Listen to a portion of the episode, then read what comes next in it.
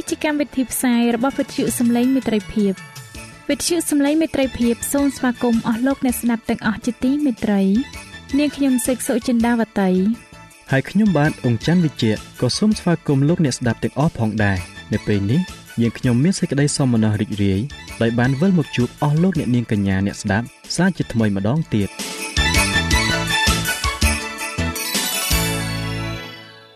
ចា៎លោកអ្នកស្ដាប់ជាទីមេត្រី នាងខ្ញុំសូមគោរពអញ្ជើញអស់លោកលោកស្រីអ្នកនាងកញ្ញាតាមដានស្ដាប់កម្មវិធីផ្សាយរបស់វិទ្យុយើងខ្ញុំដូចតទៅ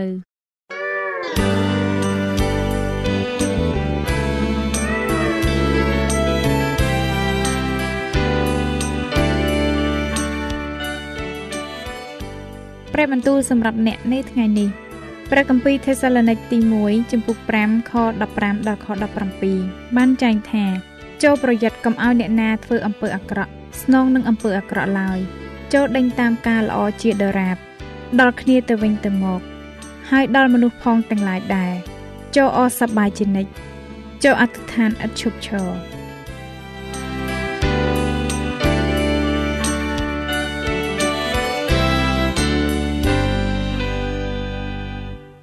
បាទខ្ញុំបាទសូមជម្រាបសួរអស់លោកអ្នកស្ដាប់ជាទីមេត្រី អរគុណសម្រាប់ការតាមដាននីតិសភាស្គូលប្រចាំសប្ដាហ៍មេរៀនសម្រាប់សប្ដាហ៍នេះមានចំណងជើងថា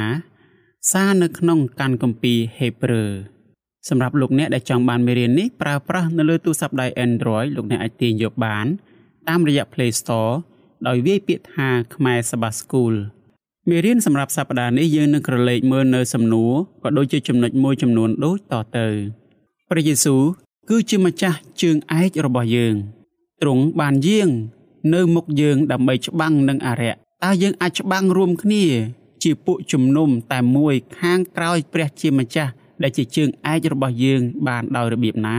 តើអ្វីខ្លះដែលរារាំងមិនឲ្យពួកជំនុំរបស់យើងរួមគ្នាជាធ្លុងតែមួយនោះតើវិធីសាស្ត្រអ្វីខ្លះដែលសាតាំងអាចធ្វើឲ្យពួកជំនុំយើងទន់ខ្សោយទៅបានតើសាតាំងបានធ្វើឲ្យរាជអ៊ីស្រាអែលកាលពីមុនទុនខ្សោយដោយរបៀបណា ក្នុងនាមជាពួកអ្នកជឿដល់ព្រះអង្គយើងគឺជាសហគមន៍នៃពួកសង្ឃយើងកំពុងតែបម្រើ នៅក្រោមសេចក្តីបង្គាប់របស់ព្រះតើព្រះវិហាររបស់លោកអ្នកអាចថ្វាយអំណោយនៃការសរសើរនិងកិច្ចការល្អល្អដល់ព្រះឲ្យបានកាន់តែប្រសើរឡើងដោយរបៀបណាតើយើងដូចគ្នានឹងសាសអ៊ីស្រាអែលនៅក្នុងទីរហោស្ថាន មុនពេលដែលពួកគេបានចូលកាន់ទឹកដីសន្យាយ៉ាងដូចម្តេចដែរ តើយើងអាចរៀនអ្វីខ្លះចេញពីកំហុសអាក្រក់របស់ពួកគេនេះអរលោកអ្នកស្ដាប់ជាទីមេត្រីក្នុងរង្វង់ឆ្នាំ100នៃគ្រិស្តសករាជជនជាតិយូដាម្នាក់បានសរសេរសេចក្តីអធិដ្ឋានយ៉ាងដូចនេះថាអោព្រះអម្ចាស់អើយទូលបង្គំបានទូលប្រាប់ព្រះអង្គគ្រប់យ៉ាង ពីព្រោះព្រះអង្គបានមានបន្ទូលថាទ្រង់បានបង្កើតផែនដី និងរបស់អ្វីទាំងអស់នៅក្នុងនោះសម្រាប់ពួកទូលបង្គំ ឥឡូវនេះអោព្រះអម្ចាស់អើយសូមតតមើលអំពីរបៀបដែលអ្នកដតីបានជិះជាន់ពួកទូលបង្គំអរលោកអ្នកស្ដាប់ជាទីមេត្រីពួកគ្រីស្ទៀននៅក្នុងកាន់គម្ពីរហេព្រើរប្រហែលជាមានអារម្មណ៍ដូចគ្នាទៅនឹងបរិះដែលបានសរសេរនៅសេចក្តីអធិដ្ឋាននេះដែរប្រសិនបើពួកគ្រីស្ទៀនទាំងនេះជាកូនរបស់ព្រះពិតមែនហេតុអ្វីបានជាពួកគេត្រូវរងទុក្ខខ្លាំងម្ល៉េះលោកប៉ុលបានសរសេរកាន់គម្ពីរហេព្រើរ ដើម្បីជួយឲ្យសេចក្តីជំនឿរបស់ពួកគ្រីស្ទៀនបានរឹងមាំឡើង នៅក្នុងអំឡុងគ្រាលំបាករបស់ពួកគេ លោកប៉ុលបានប្រាប់ពួកគេថាព្រះនឹងរក្សាសេចក្តីសន្យារបស់ទ្រង់ព្រះយេស៊ូវនឹងយកយើងត្រឡប់ទៅឯផ្ទះវិញនៅពេលឆាប់ឆាប់នេះឥឡូវទ្រង់កំពុងតែធ្វើកិច្ចការសម្រាប់យើងនៅឯស្ថានសួគ៌ទ្រង់កំពុងតែប្រទានពរនៃព្រះដល់យើងម្ល៉េះហើយ យើងត្រូវតែរក្សាសេចក្តីជំនឿឲ្យបានខ្ជាប់ខ្ជួនជានិច្ចព្រះយេស៊ូវគឺជាស្ដេចរបស់យើងគោលគំនិតនេះគឺជាប្រធានបទដ៏សំខាន់បំផុតនៅក្នុងកាន់គម្ពីរហេព្រើរព្រះយេស៊ូវបានគង់នៅខាងស្ដាំដៃនៃព្រះវរបិតាដោយដែលមានចែងនៅក្នុងព្រះគម្ពីរហេព្រើរជំពូក8ខ1ក្នុងនាមជាព្រះទ្រង់តែងតែគ្រប់គ្រងផ្ទៃមេឃនិងផែនដីជានិច្ច ប៉ុន្តែនៅពេលដែលលោកអាដាមបានធ្វើបាប សាតាំងបានលួចយកការគ្រប់គ្រងផែនដីចេញពីព្រះយេស៊ូវលោកអ្នកអាចអានបន្ថែមអំពីករណីនេះនៅក្នុងព្រះគម្ពីរយូហាន ជំពូក12ខ31ជំពូក14ខ30និងជំពូក16ខ11បន្ទាប់មកព្រះយេស៊ូវបានយាងមកផែនដីនេះទ្រង់បានយកឈ្នះសាតាំងនៅត្រង់ឈើឆ្កាង ព្រះយេស៊ូវបានក្លាយទៅជាស្ដេចស្របច្បាប់សម្រាប់អ្នកណាដែលបានទទួលយកទ្រង់ជាព្រះអង្គសង្គ្រោះរបស់ពួកគេព្រះគម្ពីរហេព្រើរជំពូក1និងជំពូក2បង្ហាញយើងអំពីរបៀបដែលព្រះបានតាំងព្រះយេស៊ូវឲ្យធ្វើជាស្ដេចរបស់យើងព្រះគម្ពីរហេព្រើរជំពូក1ខ5ដល់ខ14បានចែកចេញជា3ផ្នែកផ្នែកនីមួយៗបង្ហាញយើងអំពីរបៀបដែលព្រះយេស៊ូវបានក្លាយមកជាស្ដេចរបស់យើងទី1 ព្រះបានយកព្រះយេស៊ូវធ្វើជាព្រះរាជបុត្រារបស់ទ្រង់ចំណុចទី2ព្រះបានណែនាំព្រះរាជបុត្រារបស់ទ្រង់ដល់ពួកទេវតាទេវតាបានថ្វាយបង្គំព្រះរាជបុត្រាព្រះបានប្រកាសថាព្រះរាជបុត្រារបស់ទ្រង់នឹងធ្វើជាស្ដេចជារៀងរហូត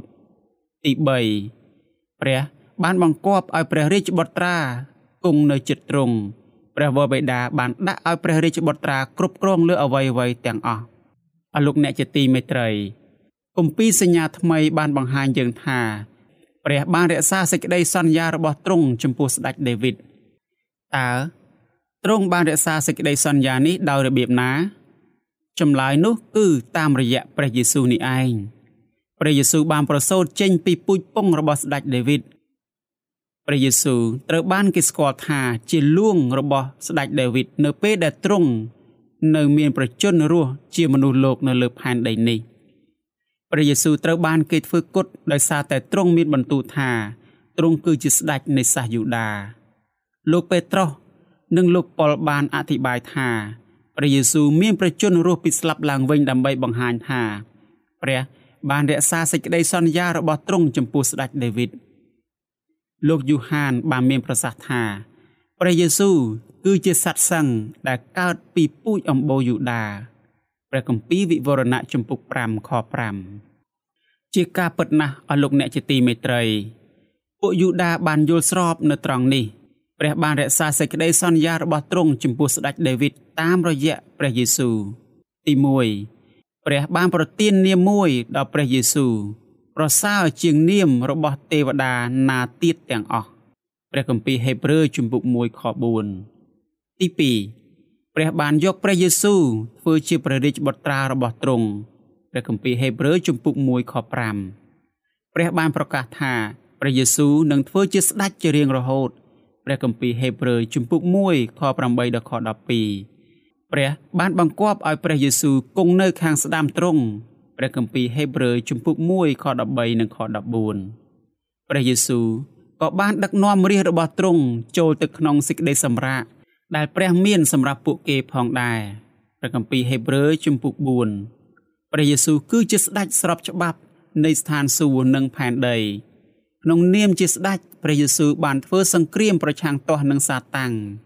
ដែលជាអ្នកលួចយកការគ្រប់គ្រងផែនដីចេញពីទ្រង់អស់លោកអ្នកទាំងអស់គ្នា កាន់គម្ពីរសញ្ញាចាស់បានបង្ហាញយើងនូវគោលគំនិតដ៏គួរឲ្យចាប់អារម្មណ៍មួយ ស្ដីអំពីស្ដេចនាពេលអនាគតដែលនឹងចេញមកពីពូជពងរបស់ស្ដេចដេវីតស្ដេចអង្គនេះនឹងទៅឯព្រះដើម្បីស្វែងរកជំនួយសម្រាប់រាជរបស់ទ្រង់ព្រះបានយកបណ្ដាជន ជាជនជាតិអ៊ីស្រាអែលធ្វើជាកូនរបស់ព្រះអង្គព្រះបានសន្យាថានឹងឲ្យសាសអ៊ីស្រាអែលសម្រាកចេញពីសង្គ្រាមជាមួយនឹងខ្មាំងសត្រូវរបស់ពួកគេ ព្រះក៏នឹងជ្រើសរើសកន្លែងមួយដែលរាជរបស់ទ្រង់អាចនឹងសង់រោងអបោសុតសម្រាប់ថ្វាយបង្គំទ្រង់ផងដែរព្រះបានផ្ទេរសេចក្តីសន្យាទាំងអស់នេះពីសាសអ៊ីស្រាអែលឲ្យដល់អនាគតលួងនៃស្ដេចវិញព្រះនឹងយកលួងនៃស្ដេចដាវីតធ្វើជាព្រះរាជបុត្រារបស់ទ្រង់ទ្រង់នឹងប្រទានសេចក្តីសម្រាលដល់ព្រះរាជបុត្រារបស់ទ្រង់ចេញពីខ្មាំងសត្រូវរបស់ទ្រង់ព្រះរាជបុត្រានេះ និងសង់រោងអបោសុតសម្រាប់ព្រះនៅក្នុងស្រុកអ៊ីស្រាអែលដូច្នេះយើងសង្កេតឃើញថាព្រះបានរក្សាសេចក្តីសន្យារបស់ទ្រង់ដល់សាសអ៊ីស្រាអែលតាមរយៈសេចក្តីសន្យាទាំងអំបាលម៉ានដែលទ្រង់បានតាំងឡើងជាមួយនឹងលួងនៃស្ដេចដាវីតលួងនៃស្ដេចដាវីតនឹងទៅគាល់ព្រះសម្រាប់សាសអ៊ីស្រាអែល ទ្រង់នឹងคล้ายជាអង្គជំនួយរបស់គេទ្រង់នឹងទូលសូមឲ្យព្រះជួយដល់រាជរបស់ទ្រង់ អង្គជំនួយ គឺជាផ្នែកដ៏សំខាន់បំផុតនៃសេចក្តីសញ្ញារវាងព្រះនិងរាជរបស់ទ្រង់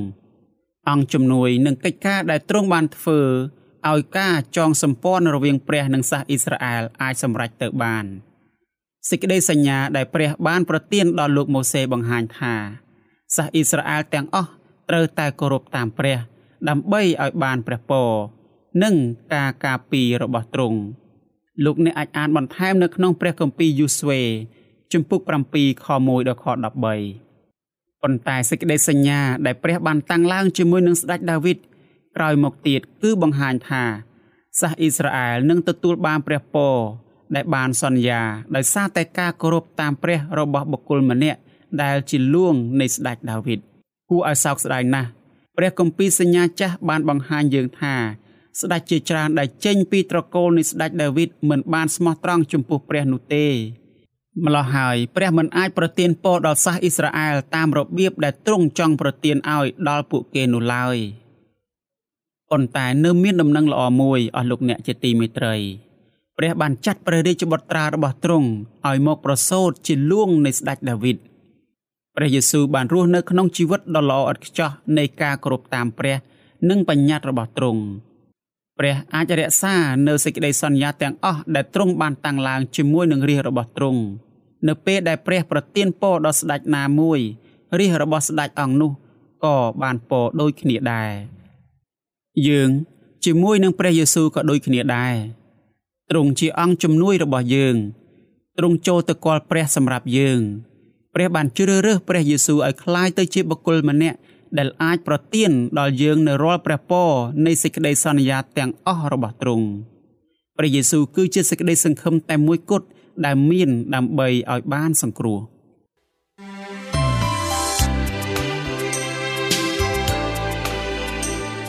សេចក្តីជំនឿកើតឡើងដោយលឺហើយដែលលឺនោះគឺដោយសារព្រះបន្ទូលនៃព្រះតាមរយៈវិទ្យុសំឡេងមិត្តភាព AWR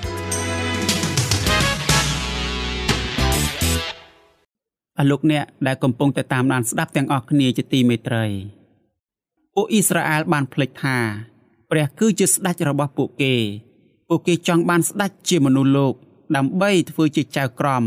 និងជាមេតបច្បាំងរបស់ពួកគេទៅវិញ ក្រោយមកព្រះបានក្លាយមកជាមេដឹកនាំនៃរាជរបស់ទ្រង់ម្ដងទៀតតាមរយៈព្រះយេស៊ូវក្នុងនាមជាស្ដេចរបស់យើងព្រះយេស៊ូវបានដឹកនាំយើងទាស់នឹងខ្មាំងសត្រូវ។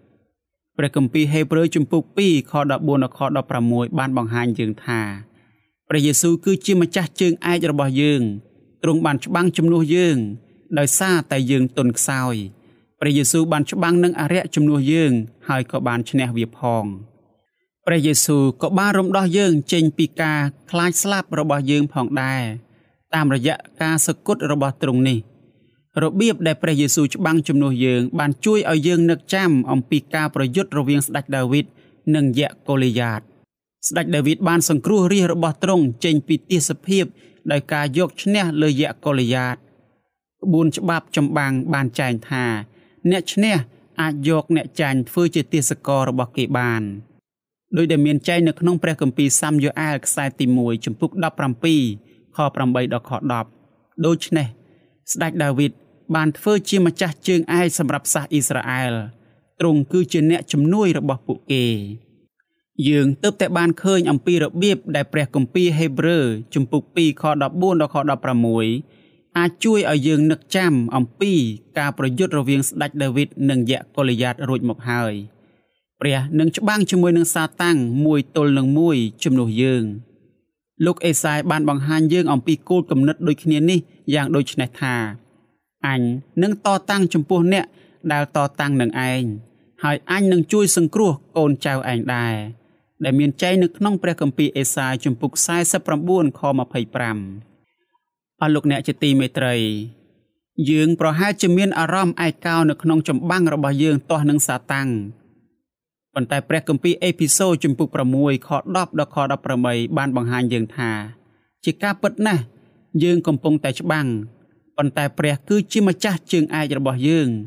ទ្រង់បានយាងទៅច្បាំងជំនួសយើង យើងគឺជាផ្នែកនៃពលតបរបស់ទ្រង់ម្លេះហើយយើងត្រូវតែបំពាក់គ្រឿងសឹករបស់ទ្រង់យើងមិនត្រូវច្បាំងតែម្នាក់ឯងនោះទេ យើងឈរពីក្រោយព្រះយេស៊ូវដែលជាម្ចាស់ជើងឯករបស់យើងទាំងអស់គ្នា ហើយយើងនឹងច្បាំងជាមួយទ្រង់ព្រះគម្ពីរហេព្រើរជំពូក5ដល់ជំពូក7ក៏បានបង្ហាញយើងអំពីកិច្ចការទី2ដែលព្រះយេស៊ូវបានធ្វើគឺជាសម្ដេចសង្ឃរបស់យើងកិច្ចការរបស់ទ្រង់ជាសម្ដេចសង្ឃបង្ហាញយើងអំពីសេចក្តីសន្យាដែលព្រះបានតាំងឡើងជាមួយនឹងព្រះយេស៊ូវមុនពេលដែលទ្រង់ប្រសូតជាលួងនៃពូជពងរបស់ស្ដេចដាវីតយ៉ាងដូចនេះថាព្រះយេហូវ៉ាទ្រង់បានស្បត់ហើយ ថាឯងជាសង្ឃនៅអកលជានិច្ចតាមរបៀបលោកមីលគីហ្សាដេកទ្រង់នឹងមិនប្រែព្រះハរតីឡើយព្រះគម្ពីរទំនុកដំកើងជំពូក110ខ4និងព្រះគម្ពីរហេព្រើរជំពូក5ខ5និងខ6ពួកសង្ឃគឺជាពួកអ្នកជំនួយ ពួកគេចូលទៅគាល់ព្រះ ដើម្បីសូមជំនួយសម្រាប់ពួកបណ្ដាជន ពួកសង្ឃបានជួយផ្សះផ្សាពួកបណ្ដាជនជាមួយនឹងព្រះម្ដងទៀត និងធ្វើឲ្យពួកគេយល់ពីទ្រង់កាន់តែប្រសើរឡើង ប្រវត្តិសាស្ត្របានបង្ហាញយើងថាពួកសង្ឃមកពីសាសនីមួយនីមួយនៅក្នុងសម័យព្រះគម្ពីរបានជួយឲ្យពួកបណ្ដាជនរបស់ពួកគេ ដឹងអំពីអ្វីដែលព្រះរំពឹងទុកពីពួកគេសង្ឃនៃសាសយូដាក៏បានថ្វាយដង្វាយនៃពួកបណ្ដាជនដល់ព្រះផងដែរពួកបណ្ដាជនមិនអាចថ្វាយដង្វាយរបស់ពួកគេដល់ព្រះបានឡើយ មានតែសង្ឃទេ ដែលដឹងអំពីរបៀបថ្វាយដង្វាយទាំងនោះ ដើម្បីឲ្យព្រះទទួលយក បន្ទាប់មកព្រះនឹងអត់ឱនទោសដល់រាជរបស់ទ្រង់និងធ្វើឲ្យពួកគេបានស្អាតឡើងវិញពួកសង្ឃក៏បានបង្ហាញអំពីបញ្ញត្តិរបស់ព្រះដល់បណ្ដាជនផងដែរពួកសង្ឃមានជំនាញខាងឯក្រឹតវិន័យព្រះបានដាក់ពួកគេឲ្យទទួលខុសត្រូវចំពោះការបកស្រាយបញ្ញត្តិដល់ពួកបណ្ដាជន ពួកសង្ឃក៏បានបង្ហាញពួកគេអំពីរបៀបរស់នៅ តាមបញ្ញត្តិរបស់ព្រះផងដែរទីបញ្ចប់ពួកសង្ឃមានទំនួលខុសត្រូវក្នុងការឲ្យពរដល់ពួកបណ្ដាជននៅក្នុងព្រះនាមរបស់ព្រះព្រះក៏បានបង្ហាញពួកសង្ឃអំពីផែនការរបស់ទ្រង់សម្រាប់ពួកបណ្ដាជនផងដែរសង្ឃបានជួយឲ្យពួកបណ្ដាជនមើលឃើញថាព្រះបានយកប្រតិទុកដាក់ចំពោះពួកគេ និងចង់ឲ្យពួកគេបានអ្វីដែលល្អបំផុត ព្រះគម្ពីរពេត្រុសខ្សែទី1ជំពូក2ខ9បានបង្ហាញយើង អំពីពួកសង្ឃតាមបែបផ្សេងមួយទៀតពួកគ្រីស្ទៀនគឺជាពួកសង្ឃលួង ជាសាសបរិសុទ្ធក្នុងនាមជាសង្ឃលួង យើងអាចធ្វើរឿងពិសេសពិសេសដោយដែលពួកសង្ឃបានធ្វើពួកសង្ឃបានមកគាល់ព្រះនៅក្នុងរោងអបោសុតរបស់ទ្រង់សប្តាហ៍ថ្ងៃនេះ យើងអាចចូលមកឯព្រះតាមរយៈការអធិដ្ឋាន ដោយសេចក្តីជំនឿយ៉ាងមុតមម ដោយដែលមានចែងនៅក្នុងព្រះគម្ពីរហេព្រើរជំពូក14ខ14ដល់ខ16និងជំពូក10ខ19ដល់ខ23ព្រះក៏បានប្រគល់ឲ្យយើងនៅទំនួលខុសត្រូវចំពោះកិច្ចការដ៏សំខាន់សំខាន់ផងដែរយើងត្រូវតែធ្វើការជាមួយនឹងព្រះ ដើម្បីសង្គ្រោះមនុស្សលោកនៅផែនដីនេះព្រះក៏ចង់ឲ្យយើងបង្រៀននិងបកស្រាយបញ្ញត្តិរបស់ទ្រង់ដល់អ្នកដទៃព្រះ ចង់ឲ្យយើងនាំយកដង្វាយនៃការសរសើរដំកើងនិងទង្វើល្អថ្វាយដល់ទ្រង់ផងដែរទ្រង់សពព្រះハរតីចំពោះដង្វាយទាំងនេះណាស់ព្រះគម្ពីរហេព្រើរក៏បានបង្ហាញយើងអំពីកិច្ចការដែលព្រះយេស៊ូវបានធ្វើសម្រាប់យើងនៅក្រោមសេចក្តីសញ្ញាថ្មីសេចក្តីសញ្ញាចាស់បានបង្ហាញយើងត្រឹមតែតម្រុយនៃរឿងល្អល្អដែលព្រះបានសន្យានឹងយើងតែប៉ុណ្ណោះ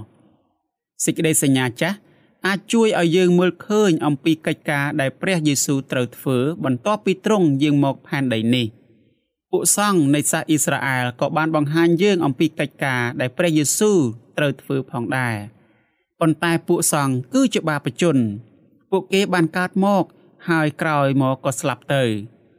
ម្ល៉េះហើយពួកគេមិនអាចធ្វើកិច្ចការដែលព្រះបានធ្វើនោះទេ ពួកសង្ឃក៏បានបម្រើនៅក្នុងរោងអបោសុតដែលគ្រាន់តែជារូបភាពចម្លងនៃរោងអបោសុតនៅស្ថានសួគ៌តែប៉ុណ្ណោះឥឡូវនេះព្រះយេស៊ូវបានធ្វើកិច្ចការសម្រាប់យើងនៅក្នុងរោងអបោសុតនៅស្ថានសួគ៌មានតែលោហិតរបស់ទ្រង់តែប៉ុណ្ណោះដែលអាចធ្វើឲ្យយើងស្អាតបានឈាមសត្វមិនអាចសម្អាតចិត្តរបស់យើងបានឡើយ នៅពេលដែលព្រះយេស៊ូវសម្អាតយើង យើងនឹងអាចចូលមកឯព្រះជាមួយនឹងសេចក្តីជំនឿដ៏មុតមមបាន ព្រះគម្ពីរហេព្រើរជំពូក10ខ19ដល់ខ22អស់លោកអ្នកស្ដាប់ជាទីមេត្រី នៅពេលដែលព្រះយេស៊ូវបានក្លាយមកជាសម្ដេចសង្ឃរបស់យើងទ្រង់រៀបចំរបៀបថ្មីសម្រាប់យើងចូលទៅឯព្រះរបៀបថ្មីមួយនេះត្រូវបានគេហៅថាសេចក្តីសញ្ញាថ្មីសេចក្តីសញ្ញាថ្មីបានបំពេញនៅអ្វីដែលសេចក្តីសញ្ញាចាស់មិនអាចបំពេញបានសេចក្តីសញ្ញាថ្មីបានផ្ដល់ឲ្យយើងនៅអ្វីអ្វីគ្រប់យ៉ាងដែលព្រះបានសន្យា មានតែសម្ដេចសង្ឃដែលជាព្រះតែមួយគត់ដែលអាចប្រទានរបស់ទាំងនេះដល់យើងបាន ពីព្រោះទ្រង់ល្អឥតខ្ចោះនិងមានព្រះជន្មរស់ជារៀងរហូត ក្នុងនាមជាសម្ដេចសង្ឃរបស់យើង ព្រះបានបកស្រាយអំពីបញ្ញត្តិរបស់ព្រះទ្រង់បានដាក់បញ្ញត្តិរបស់ទ្រង់នៅក្នុងចិត្តនិងគំនិតរបស់យើងព្រះយេស៊ូវបានថ្វាយដង្វាយនៃលោហិតរបស់ទ្រង់ដល់ព្រះដង្វាយនេះនាំមកនៅសេចក្តីអត់ឱនទោស ពីទ្រង់ដល់យើងព្រះយេស៊ូវបានសម្អាតយើងពីអំពើបាបទ្រង់បានផ្លាស់ប្ដូរជីវិតរបស់យើងទ្រង់ក៏បានផ្លាស់ប្ដូរចិត្តរឹងរូសរបស់យើងដែរទ្រង់បានផ្ដល់ឲ្យយើងនៅចិត្តទន់ភ្លន់ដែលនឹងគោរពតាមទ្រង់វិញព្រះគម្ពីរអេសេគៀលជំពូក36ខ26ព្រះយេស៊ូវបានធ្វើឲ្យយើងក្លាយជាមនុស្សថ្មី ក្នុងគ្រប់ទាំងអស់យ៉ាងពិតប្រាកដមែន ព្រះគម្ពីរកូរិនថូសខ្សែទី2ជំពូក5ខ17ព្រះក៏បានប្រទានពរដល់យើងតាមរបៀបដ៏អស្ចារ្យបំផុតផងដែរគឺថាទ្រង់បានជួយឲ្យយើងជួបជាមួយនឹងព្រះទ្រង់ផ្ទាល់ព្រះបានបង្កើតសេចក្តីសញ្ញាចាស់ដើម្បីបង្ហាញយើងអំពីកិច្ចការនាពេលអនាគតរបស់ព្រះយេស៊ូវសេចក្តីសញ្ញាចាស់គឺជាផែនការដ៏ល្អបំផុតប៉ុន្តែពួកសាសយូដាខ្លះបានយល់ច្រឡំអំពីសេចក្តីសញ្ញានេះ ពួកគេមិនបានទទួលយកសេចក្តីពិតនៃព្រះគម្ពីរដែលបានបង្ហាញតាមរយៈសេចក្តីសញ្ញាចាស់នោះទេម្ល៉េះហើយពួកគេបានបាត់បង់ព្រះពរដែលព្រះយេស៊ូវជាសម្ដេចសង្ឃរបស់យើងចង់ប្រទានដល់ពួកគេតាមរយៈសិភៅព្រះនៃសេចក្តីស្រឡាញ់អ្នកស្រី Ellen G. White បានលើកឡើងថារោងអបោសុតនៅផែនដីបង្ហាញយើងអំពីកិច្ចការដែលព្រះធ្វើសម្រាប់យើងនៅស្ថានសួគ៌ព្រះយេស៊ូវគឺជាជីវិតនៃរោងអបោសុត ដងវាយជាសត្វបានបង្ហាញ អំពីការសគត់របស់ព្រះយេស៊ូវនៅលើឈើឆ្កាងកិច្ចការដែលពួកសង្ឃបានធ្វើបង្ហាញអំពីកិច្ចការនាពេលអនាគតរបស់ព្រះយេស៊ូវកិច្ចការទាំងនេះរួមមាន បង្ហាញអំពីការសគត់របស់ព្រះយេស៊ូវបានសង្គ្រោះមនុស្សលោកដោយរបៀបណា នៅពេលដែលព្រះយេស៊ូវសគត់មនុស្សលោកលែងត្រូវការការថ្វាយដង្វាយទាំងនេះទៀតហើយអស់លោកអ្នកស្ដាប់ជាទីមេត្រី ព្រះគម្ពីរហេព្រើរបានបង្ហាញ សេចក្តីពិតនៃព្រះគម្ពីរជាច្រើនដល់យើងសេចក្តីពិតទាំងនេះបានបំពេញយើងដោយសេចក្តីសង្ឃឹមប៉ុន្តែកាន់គម្ពីរហេព្រើរក៏ពេញទៅដោយការដាស់តឿនផងដែរយើងអាចរៀនអំពីការដាស់តឿនមួយចំនួននៅក្នុងជំពូក10ដល់ជំពូក12ជំពូកទាំងពីរនេះបានបង្ហាញយើងនូវគោលគំនិតដ៏សំខាន់សំខាន់ពីរចំណុចយ៉ាងតិចបំផុតទី1លោកប៉ុលបានប្រៀបធៀបអ្នកអារបស់គាត់ទៅនឹងសាសអ៊ីស្រាអែលនៅក្នុងទីរហោស្ថាន ចំណុចទី2លោកប៉ុលចង់ឲ្យយើងមានសេចក្តីសង្ឃឹមឡើងពួកអ៊ីស្រាអែលនៅក្នុងទីរហោស្ថានបានឃើញអំណាចដ៏គួរឲ្យភ្ញាក់ផ្អើលរបស់ព្រះព្រះបានធ្វើការអស្ចារ្យជាច្រើនដើម្បីរំដោះពួកគេចេញពីស្រុកអេស៊ីបមកពួកសាសអ៊ីស្រាអែលនៅក្នុងទីរហោស្ថានក៏បានលឺព្រះមានបន្ទូលមកកាន់ពួកគេនៅលើភ្នំស៊ីណៃដែលជាភ្នំដ៏ខ្ពស់បំផុត នៅទីនោះព្រះបានមានបន្ទូលអំពីក្រឹតវិន័យទាំង10ប្រការ សាសអ៊ីស្រាអែលនៅក្នុងទីរហោស្ថានបានឃើញបង្គោលភ្លើងនៅពេលយប់ពួកគេបានឃើញពពក ដែលតាមការពារពួកគេនៅពេលថ្ងៃពួកគេបានបរិភោគនំម៉ាណា ហើយនំម៉ាណាគឺជានំប៉័ងដែលព្រះប្រទានពីស្ថានសួគ៌មកដល់ពួកគេពួកសាសអ៊ីស្រាអែលនៅក្នុងទីរហោស្ថានក៏បរិភោគទឹកដែលហូរចេញមកពីថ្មដាដែលពួកគេបានបោះជំរុំផងដែរ ប៉ុន្តែនៅពេលដែលពួកអ៊ីស្រាអែលទាំងនេះបានមកដល់ព្រំប្រទល់នៃទឹកដីសន្យា ពួកគេបែរជាមិនជឿទុកចិត្តទៅលើព្រះទៅវិញពួកគេមិនមានសេចក្តីជំនឿគ្រប់គ្រាន់ក្នុងការចូលទៅក្នុងទឹកដីនោះទេ ព្រះបានសូមឲ្យរាជរបស់ទ្រង់ជឿទុកចិត្តដល់ទ្រង់ដោយដែលមានចែងនៅក្នុងព្រះគម្ពីរហេព្រើរជំពូក11ខ6ថាតែបើឥតមានសេចក្តីជំនឿទេ នោះមិនអាចនឹងគប់ដល់ព្រះハរតីព្រះបានឡើយ អរលោកអ្នកជាទីមេត្រី លោកសាវកប៉ុលបានមានប្រសាសន៍ថាយើងក៏ដូចជាសាសអ៊ីស្រាអែលនៅក្នុងទីរហោស្ថានយ៉ាងដូច្នោះដែរយើងក៏កំពុងតែស្ថិតនៅព្រំប្រទល់នៃទឹកដីសន្យា យើងមានទំនួលខុសត្រូវលើសជាងពួកអ៊ីស្រាអែលនៅក្នុងទីរហោស្ថាននោះទៅទៀតព្រះក៏បានប្រទានសេចក្តីពិតនៃព្រះគម្ពីរដល់យើងច្រើនជាងពួកគេផងដែរប៉ុន្តែព្រះគម្ពីរបានបង្ហាញយើងអំពីរូបភាពដ៏ធំរបស់ព្រះ និងសេចក្តីស្រឡាញ់របស់ទ្រង់នៅលើភ្នំស៊ីយ៉ូនយ៉ាងដូចនេះថាព្រះយេស៊ូវគ្រីស្ទគឺជាព្រះ បានក្លាយមកជាមនុស្សដើម្បីសង្គ្រោះយើងព្រះគម្ពីរហេព្រើរជំពូក12ខ18ដល់ខ24សំណួរយើងអាចសួរថាតើយើងមានជំនឿដែរឬទេលោកប៉ុលបានលើកទឹកចិត្តយើងឲ្យធ្វើតាមគំរូនៃពួកបរិសនិងពួកស្ត្រីនៃសេចក្តីជំនឿនៅក្នុងព្រះគម្ពីរ ព្រះយេស៊ូវគឺជាបុគ្គលដ៏សំខាន់ជាងគេនៅក្នុងបញ្ជីដែលគាត់បានរៀបរាប់ទាំងអម្បាលម៉ាន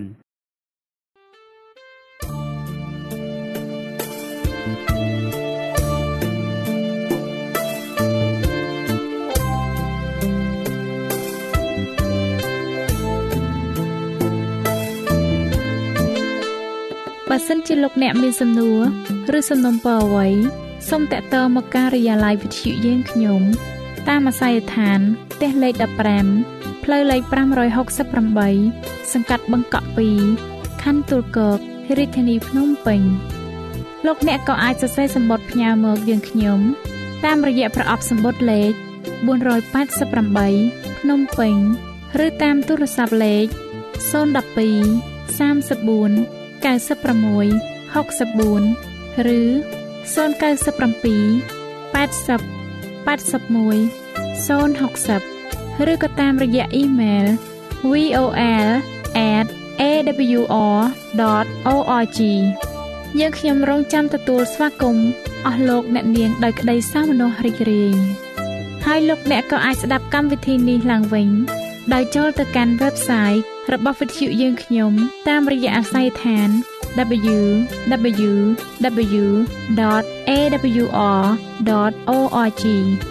លោកអ្នកនាងកញ្ញាជាទីមេត្រី កម្មវិធីផ្សាយរបស់វិទ្យុសំឡេងមេត្រីភាពនៅពេលនេះសូមបញ្ចប់តែប៉ុណ្ណេះយើងខ្ញុំសូមអរគុណចំពោះការតាមដានស្ដាប់របស់អស់លោកអ្នកតាំងពីដើមរហូតដល់ចប់យើងខ្ញុំសូមជូនពរឲ្យអស់លោកអ្នកនាងកញ្ញាទាំងអស់បានចម្រើនឡើងក្នុងព្រះគុណព្រះអង្គម្ចាស់ហើយក្នុងការទទួលយកព្រះយេស៊ូវគ្រីស្ទជាព្រះអង្គម្ចាស់ និងជាព្រះអង្គសង្គ្រោះនៃយើងរាល់គ្នានាទីផ្សាយរបស់វិទ្យុយើងខ្ញុំនឹងវិលមកជួបអស់លោកអ្នកសាជាថ្មីម្ដងទៀតនៅថ្ងៃស្អែកវេលាម៉ោងដដែលនាងខ្ញុំសេកសុចិន្តាវតីនិងខ្ញុំបាទអ៊ំច័ន្ទវិជ្ជៈសូមអរគុណសូមជម្រាបលា